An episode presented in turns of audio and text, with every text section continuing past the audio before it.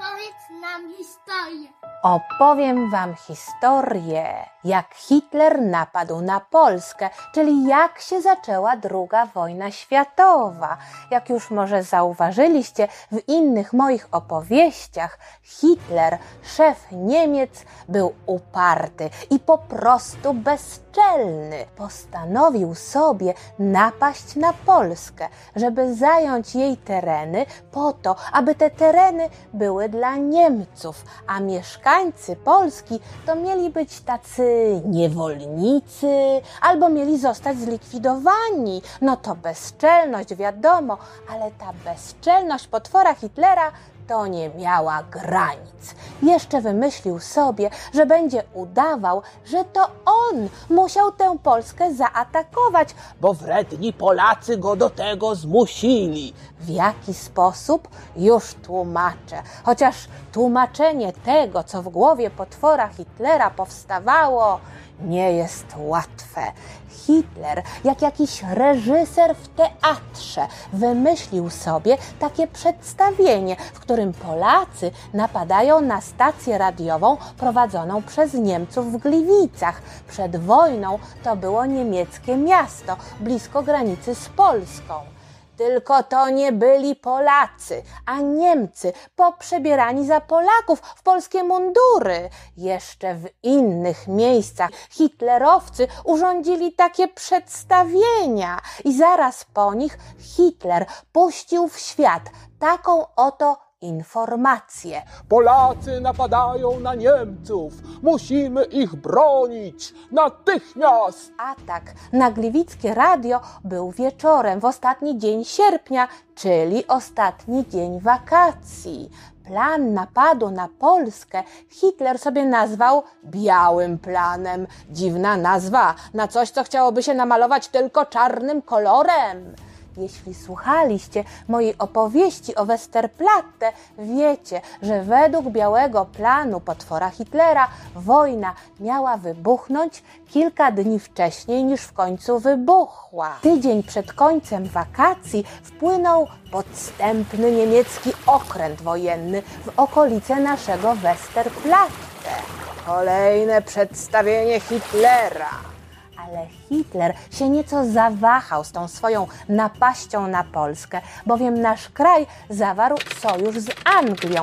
Polska miała też sojusz z Francją w tej sprawie, czyli miała obietnicę od dwóch państw, Anglii i Francji, że w razie napadu na Polskę one pomogą. Czy Hitler się tego bał, tej pomocy dwóch silnych państw z dobrym wojskiem? Różni opowiadacze mówią, że trochę tak, a trochę nie, bowiem Hitler miał naprawdę dobrą i silną armię, pełną generałów, którzy aż się palili do tego, aby zemścić się za to, jak Niemcy zostali pokonani w I wojnie światowej bo historia to taki pociąg zdarzeń i nastrojów. I zarówno Hitler, jak i ci generałowie i całe mnóstwo Niemców chciało się zemścić za to, że Niemcom odebrano po I wojnie tyle ziem, które należały do nich i oddano Polsce. No wiecie, ten cały zabór pruski to były właśnie ziemie, które Polska odzyskała, gdy odzyskała niepodległość po I wojnie światowej.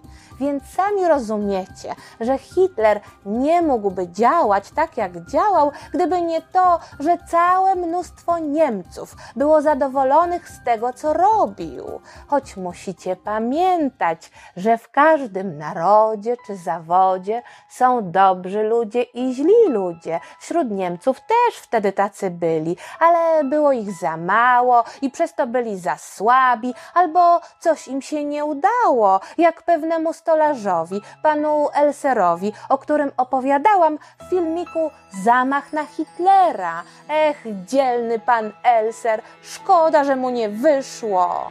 Wracajmy jednak do owego nieszczęsnego wybuchu II wojny, czyli do 1 września 1939 roku, kiedy to polskie dzieci wcale nie szły do szkoły, bowiem polski rząd, a raczej minister edukacji ustalił, że rozpoczęcie roku będzie dopiero po weekendzie, bo tamten 1 września wypadł w piątek. Więc dzieciaki myślały sobie zadowolone, że pośpią dłużej, ale chyba niewiele z nich pospało. Tuż przed piątą rano hitlerowskie wojska zaatakowały Polskę z nieba, z ziemi i z morza. Pierwsze bomby spadły na miasto Tczesz, kilka minut potem na miasto Wieluń. Kolejne minuty później zaczął strzelać ten niemiecki okręt oszukany w nasze Westerplatte. A z tym wieluniem to Niemcy się paskudnie zachowali i jak się okazało, to była taka zapowiedź, zwiastun tego, co będzie potem. Bowiem zbombardowali Wieluń tak doszczętnie, że zostało zniszczone trzy czwarte miasta. To tak jakby zjedzono z czterech kawałków pizzy trzy i został tylko jeden. I jeszcze w dodatku niemieccy piloci zaczęli to zrzucanie bomb, no nie uwierzycie, od szpitala. Dzień dobry. Naszym gościem w audycji Wojenne Wspomnienia jest dzisiaj dr Zygmunt Patryn, były ordynator Szpitala Wszystkich Świętych w Wieluniu. Witam, panie doktorze. Dzień dobry, witam. Panie doktorze, przejdźmy od razu do tego feralnego dnia, wręcz poranka 1 września 1939 roku, gdy obudziły pana spadające bomby. Obudziły mnie właściwie syreny, a może to były dźwięki, które wydawały niemieckie samoloty, które pikowały naprawdę nisko. Zerwałem się z łóżka, wie pani, lekarz umie szybko się zrywać. Chwyciłem ubranie do ręki i boso w bieliźnie zbiegłem ze schodów domu do wyjścia. Mieszkałem przy samym szpitalu i gdy wbiegałem do szpitala, wtedy dopiero był dźwięk bomb, gruzy, pył. Pobiegłem do sal. Już byli ranni, krzyki. Okazało się, że bomba zniszczyła salę operacyjną i salę z materiałami opatrunkowymi. Powiedziałem pielęgniarkom, żeby zaczęły drzeć pościel na opatrunki i zaczęliśmy wyprowadzać pacjentów do ogrodu. Gdy już byliśmy w ogrodzie, spadły kolejne bomby i na szpital, i na ogród. Nie było gdzie uciekać. Panie doktorze, ale jak to możliwe, że niemieccy lotnicy atakowali szpital? Nie wiedzieli, że to jest szpital? Musieli wiedzieć, był oznaczony na dachu czerwonym krzyżem. Musieli to widzieć. Poza tym oni tak nisko latali, czasem ostrzeliwali nawet z samolotów. Musieli widzieć, że z okien wypadają łóżka z pacjentami. Proszę powiedzieć, jak udało się jednak uratować tak dużo pacjentów? Sprowadziliśmy furmanki. To był dzień targowy w Wieluniu. Chłopi przyjechali na targ jeszcze przed świtem, żeby zająć sobie najlepsze miejsce na placu targowym. Udało nam się wielu pacjentów, między innymi kobiety z noworodkami, umieścić na furmankach. Wysłałem ich do szpitala w Sieradzu. Okazało się, że dwie kobiety zaczęły rodzić jeszcze tam, w ogrodzie szpitalnym. Wspaniałe położne przyjęły te dzieci na świat, udało się. Potem poszedłem pomagać rannym w miasto. Szpital przestał istnieć. To wyglądało jak koniec świata. Chaos, ranni, zabici, mieszkańcy, moi sąsiedzi, pacjenci. To był szok. No tak, no tak, szok, ale pan ich ratował, nie zostawił, panie doktorze. No, jakżeby inaczej? Przecież jestem lekarzem. I dobrym, odważnym człowiekiem. A posłuchajcie teraz wspomnień z tego samego dnia i z tego samego miejsca, no może nie dokładnie, bo nie z ziemi, tylko z nieba nad Wieluniem. Posłuchajcie kilku słów niemieckiego pilota Dietricha Lechmana. Określam mniej więcej kurs na Wieluń i chcę tam sprawdzić, jaki skutek odniósł nasz atak. Jest godzina szósta rano, jednak dzień nie chce się rozjaśnić. Nie minęło wiele, a w szarości przed nami widać naraz ogromny pożar, z którego wbija się w górę ciemna, szeroka ściana dymu i miesza z mgłą i wiszącymi nisko chmurami. Przerażająco piękny widok. Na dole widzę dziki chaos. Wygląda na to, że ludzie kompletnie potracili głowy. Niemieccy piloci tłumaczyli się, że miasto Wieluń zaatakowali, bo tam było wojsko polskie, a tam nie było wojska. Wieluń nie miał żadnych fabryk, ważnych torów kolejowych. Ot, małe, ciche miasteczko, 20 kilometrów od granicy z Niemcami. Hitlerowcy oprócz zrzucania bomb zaatakowali Polskę wchodząc na jej teren od swojej strony, od zachodu, ale też od dołu ze Słowacji i jeszcze od góry, gdzie były tak zwane Prusy Wschodnie. Chcieli walczących Polaków, bo wiedzieli, że będą walczyć, tak otoczyć, zakleszczyć. No dobrzy byli ci generałowie niemieccy, dobrzy swoim fachu, czyli w robieniu zwycięstw wojennych. Tego 1 września dzieci, które mieszkały daleko od granic albo których miasta nie zostały zbombardowane, i tak nie miały raczej spokojnego i miłego poranka, bowiem ich rodzice albo i te dzieci mogły usłyszeć w radiu o godzinie szóstej rano takie oto słowa. A więc wojna. Z dniem dzisiejszym wszelkie sprawy i zagadnienia schodzą na plan dalszy. Całe nasze życie prywatne i publiczne przestawiamy na specjalne tory. Weszliśmy w okres wojny. Cały wysiłek narodu musi iść w jednym kierunku. Wszyscy jesteśmy żołnierzami. Musimy myśleć tylko o jednym: walka aż do zwycięstwa. Co ciekawe, te słowa zostały nagrane dwa dni wcześniej przez pana, którego głos rozbrzmiał 1 września w odbiornikach radiowych w całej Polsce. I gdy speaker je nagrywał, ktoś mówił: Nie, one nigdy nie pójdą na antenę. A jednak Niestety, gdy poszły, to niemieckie bomby spadały na polskie miasta. Niemieccy żołnierze już wjeżdżali do Polski ciężarówkami, czołgami, motorami tak szybko, tak błyskawicznie, że nazwano to wojną błyskawiczną. I jeszcze wam coś powiem. Niemcy mieli niesamowitego fuksa z tym swoim błyskawicznym wlewaniem nam się do kraju, bowiem tamto lato było wyjątkowo gorące, suche, bardzo mało padało, to idealnie na wakacje, prawda? I niestety też idealnie dla armii, która chce pokonać szybko drogę pełną rzek, czasem podmokłych terenów, bagien, bowiem rzeki zamieniły się w małe strumyki, bagna w suche łąki i hitlerowskie nogi, koła ciężarówek, gąsienice czołgów mogły pokonywać te tereny bardzo szybko i łatwo błyskawicznie. A gdy polscy żołnierze wchodzili im w drogę i walczyli, to mieli często przechlapane, bo Niemcy mieli mnóstwo karabinów maszynowych, z których błyskawicznie strzelali. Samoloty niemieckie zrzucały bomby, ale też w pewnym momencie zrzucały swoim żołnierzom dodatkową amunicję, paliwo do samochodów czy motorów, jedzenie. No to była super sprawna machina wojenna, świetnie zorganizowana. Dlatego polscy dowódcy byli w szoku. Cały czas czekali, jak się może ta machina zmęczy, coś się w niej zatnie i wtedy oni będą mogli trochę ją zatrzymać. Mimo, że wcześniej w Polsce mówiło się sporo o wojnie i były do niej przygotowania, to wszyscy byli przerażeni tym, jak Niemcy ostro atakują. Polskich żołnierzy było po pierwsze sporo mniej, a po drugie mieli mniej broni, czołgów, samochodów Niemcy mieli też dużo więcej samolotów niż Polacy i te samoloty mieli lepsze.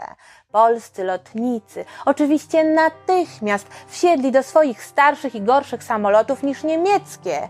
Mieliśmy między innymi takie samoloty, które bzyczały zupełnie jak pszczoły i dlatego Polacy nazwali je pszczółkami. I właśnie tymi pszczółkami polscy lotnicy atakowali świetne niemieckie samoloty. Z taką odwagą i zaciekłością, że Niemcy nazwali pszczółki osami. Hitler kazał zwłaszcza mocno atakować samolotami Warszawę, stolicę Polski. Ważną osobą, która dodawała otuchy mieszkańcom Warszawy, był jej prezydent Stefan Starzyński. On teraz ma pomnik w Warszawie, bo był naprawdę niezwykłym i odważnym człowiekiem. Gdy Niemcy nam się tak wdarli do kraju, ludzie, którzy rządzili Polską, czyli prezydent Polski, premier, różni ministrowie, którzy na co dzień mieszkali właśnie w Warszawie, uciekli z niej, bo bali się o swoje życia jako ważnych osób. A prezydent Starzyński nie chciał uciekać. Powiedział: Jak to? Mam zostawić warszawiaków? Nigdy. Bardzo kochał Warszawę i miał wielki talent kierowania ludźmi w taki sposób, że się ze sobą nie kłócili, ale wspólnie działali. Prezydent Starzyński od pierwszych dni napadu na jego kochane miasto dbał, żeby warszawiacy mieli wodę, jedzenie, choć z powodu bombardowania było coraz trudniej, żeby działały sklepy, piekarnie, fabryki. Najbardziej jednak prezydentowi udawało się mieszkańców uspokajać. Pomyślcie, jak ludzie się czuli. Niektórzy stracili domy, a co najgorsze, w każdej chwili mogli zostać zabici lub ranni. Dużo ludzi opłakiwało swoich bliskich, którzy zginęli, a władze kraju uciekły z miasta. Wtedy nie było telewizji ani internetu, ale było radio, dzięki któremu ludzie wiedzieli, co się dzieje i co robić. I prezydent Starzyński wygłaszał przez radio niesamowite przemowy do mieszkańców miasta, w których zachęcał ich do walki, ale też chwalił za to, jak bronią Warszawy. Powiedział raz tak pięknie: Chciałem, by Warszawa była wielka i dziś widzę ją przez okna w całej wielkości i chwale, otoczoną kłębami dymu, rozczerwienioną płomieniami ognia, wspaniałą, niezniszczalną, wielką, walczącą Warszawę. Powiedział to w chwili, kiedy przecież wydawało się, że Warszawa nie jest zbyt wielka i potężna, bo ma pełno zburzonych budynków, zabitych i rannych ludzi, a jednak była wielka, bo nie chciała się poddać Niemcom. Prezydent Starzyński wciąż mówił do swojego miasta i miał coraz bardziej zachrypnięty głos. Ludzie zaczęli martwić się o niego tak, że przysyłali mu syropy i kogiel-mogiel na to jego zachrypnięte gardło. Hitler oczywiście był tą walką Polaków o stolicę wkurzony i kazał jeszcze bardziej bombardować miasto. Niemieckie samoloty jednego dnia zrobiły tak zwany dywanowy nalot. Tak się nazywał, bo samolotów lecących nad miastem było tak dużo i leciały tak blisko siebie, że wyglądały jak dywan. Dywanowy nalot Niemcy zrobili w poniedziałek i dlatego nazwano ten dzień lanym poniedziałkiem. W czasie bombardowań ludzie chowali się w piwnicach. Wielu warszawiaków, ale także mieszkańców innych miast zaczęło też uciekać, mając nadzieję, że znajdą schronienie gdzieś u rodziny albo znajomych na wsi. Drogi były pełne ludzi, którzy szli z walizkami, tobołkami, wózkami. To tak ciężko zdecydować, co zabrać ze sobą z palącego się domu. Ludzie brali to, co zdążyli, albo co wydawało im się ważne, potrzebne, albo z czym trudno im się było rozstać. Szli niektórzy z obrazem pod pachą, panie były czasem ubrane w ciepłe płaszcze, futra, jakby była zima, bo chciały je po prostu zabrać, a w walizce nie było już miejsca. A niemieccy piloci zaczęli zrzucać bomby na tych uciekających, przerażonych ludzi na drogach. Przez wiele lat po wojnie żołnierze z niemieckiej armii mówili, że oni tylko byli wojskowymi, wykonującymi pomysły złych hitlerowców. Ale zaraz, zaraz, strzelanie żołnierzy do ludzi, którzy nie są żołnierzami, nie mają broni, czyli są bezbronnymi cywilami, często kobietami, dziećmi, to jest rozkaz tak zły, że trzeba od niego uciekać jak najdalej. Polacy byli w szoku, świat no właśnie, co ze światem? Co on na to? Na ten straszny napad jednego kraju na drugi kraj? Co z Anglią i Francją, które miały przecież bronić nas przed atakiem Niemców? A właśnie ten atak się zdarzył, nawet jeśli Hitler swoim przedstawieniem w Gliwicach próbował namotać wszystkim w głowach, to chyba aż tak nie namotał. Przez pierwsze dwa dni Anglia i Francja nic nie mówiły. Siedziały cichutko, jak przysłowiowe myszy pod miotłą. Trochę może coś tam szeptały te myszki, że one to właściwie nie wiedzą, o co chodzi, bo Hitler przecież krzyczał, że musi bronić Niemców, którzy są w Polsce. Ale jak już świst spadających bomb był tak głośny, to Anglia i Francja 3 września powiedziały: Wypowiadamy wojnę Niemcom.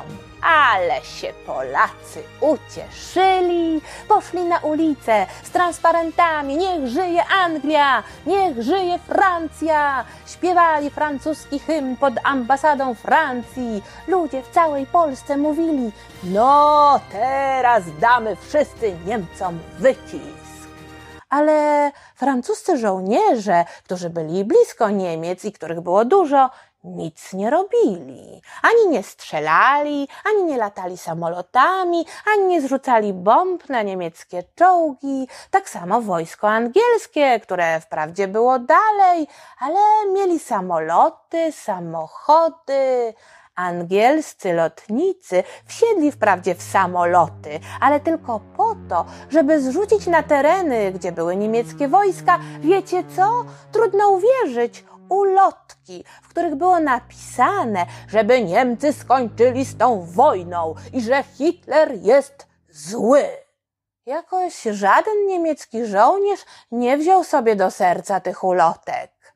I dlatego, że wojna pomiędzy Anglią i Francją a Niemcami wyglądała tak dziwacznie, została nazwana dziwną wojną. Niemcy na nią jeszcze mówili wojna na siedząco, bo sojusznicy Polski zamiast walczyć siedzieli sobie w swoich krajach i czekali, co będzie dalej. A szkoda, że Anglia i Francja nie wsparły wtedy Polski. Może by się udało pokonać Hitlera? Kto wie?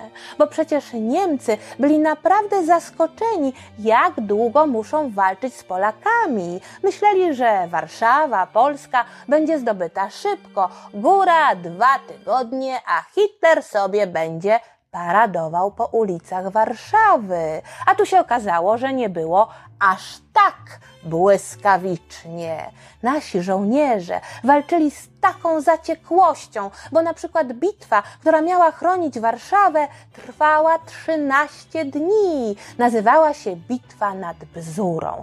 Ale już mówiłam, że mieliśmy dużo mniej ludzi i broni, a jeszcze tym dzielnym, walczącym żołnierzom było ciężko, bo ich dowódcy utracili łączność ze sobą, nie mogli ustalić wspólnej strategii, czyli jakiegoś wspólnego planu obrony przed tą niesamowitą niemiecką machiną wojenną. No bałagan był po stronie polskiej, trzeba to przyznać, że ten bałagan nie pomagał dzielnym żołnierzom ale jeszcze do połowy września, mimo tego całego bałaganu, była szansa, żeby odeprzeć ten atak. Tylko, że dwie sprawy nie pomogły polskim żołnierzom, a wręcz skazały ich na klęskę. Po pierwsze, obok prawdziwej wojny w Polsce była dziwna wojna pomiędzy Niemcami a Francją i Anglią. Można powiedzieć, że Anglia i Francja nie miały zamiaru wstawać z tej siedzącej wojny. 12 września 1939 roku, Abbeville, północna Francja. Rozmowa premiera Francji i Wielkiej Brytanii. Edwardzie, czy myślisz to, co i ja myślę? A w jakiej sprawie, Nevi? No, w sprawie napadu na Polskę przez Hitlera, Edwardzie. E, to może ty powiedz pierwszy, co myślisz? O, spryciarz z ciebie. Chcę, żeby wszystko było na mnie. O, nie, po prostu myślę, że jesteś mądrzejszy, mój drogi Nevi. E, No tak, tak, mam pewne doświadczenie, jestem naprawdę dobrym dyplomatą, więc myślę, że trzeba temu Hitlerowi dać tę Polskę.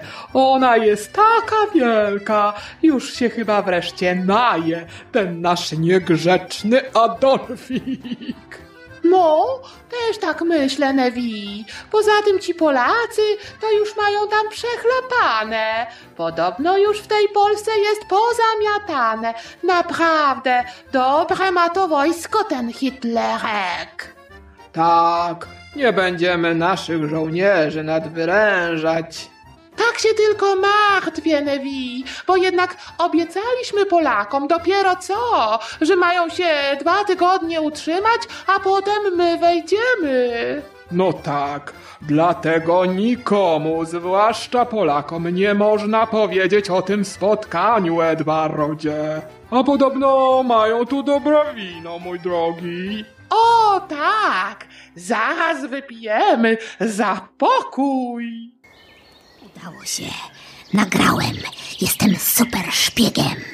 Ojej, leci bocian. Co, co, co, co on gada? Ten bocian gada. Co za głupki. Byłem w tej biednej Polsce. Ledwo z życiem uszedłem, a moi kuzyni spod drzewa zaginęli. To był taki trochę cios polskie serce, zawiedziona nadzieja, ale był jeszcze drugi cios, choć niby nie w serce, a w plecy, tak zwany nóż w plecy od Stalina, którego Armia Czerwona wlazła nam do kraju od drugiej strony. To było zaplanowane i uzgodnione z Hitlerem w tajnym załączniku do paktu Ribbentrop-Mołotow, który Niemcy i Związek Sowiecki zawarły przed wojną. I gdy sowiecka Armia Czerwona weszła do Polski, to wtedy dowódca całego wojska polskiego nie zachował się fajnie, bo uciekł, śmignął sobie z Polski. Generał Ryc Śmigły się nazywał, bo jeszcze tych premierów, prezydentów czy ministrów to można zrozumieć z tym wyjazdem z Polski. No, że muszą rządzić dalej, trzymać kraj mimo napadu przy życiu. To lepiej, żeby byli też przy życiu, ale szef wojska uciekający w czasie wojny, czyli czasu kluczowego dla szefa wojska, to chyba bez sensu. To było 17 września z tym nożem w plecy i śmignięciem wodza.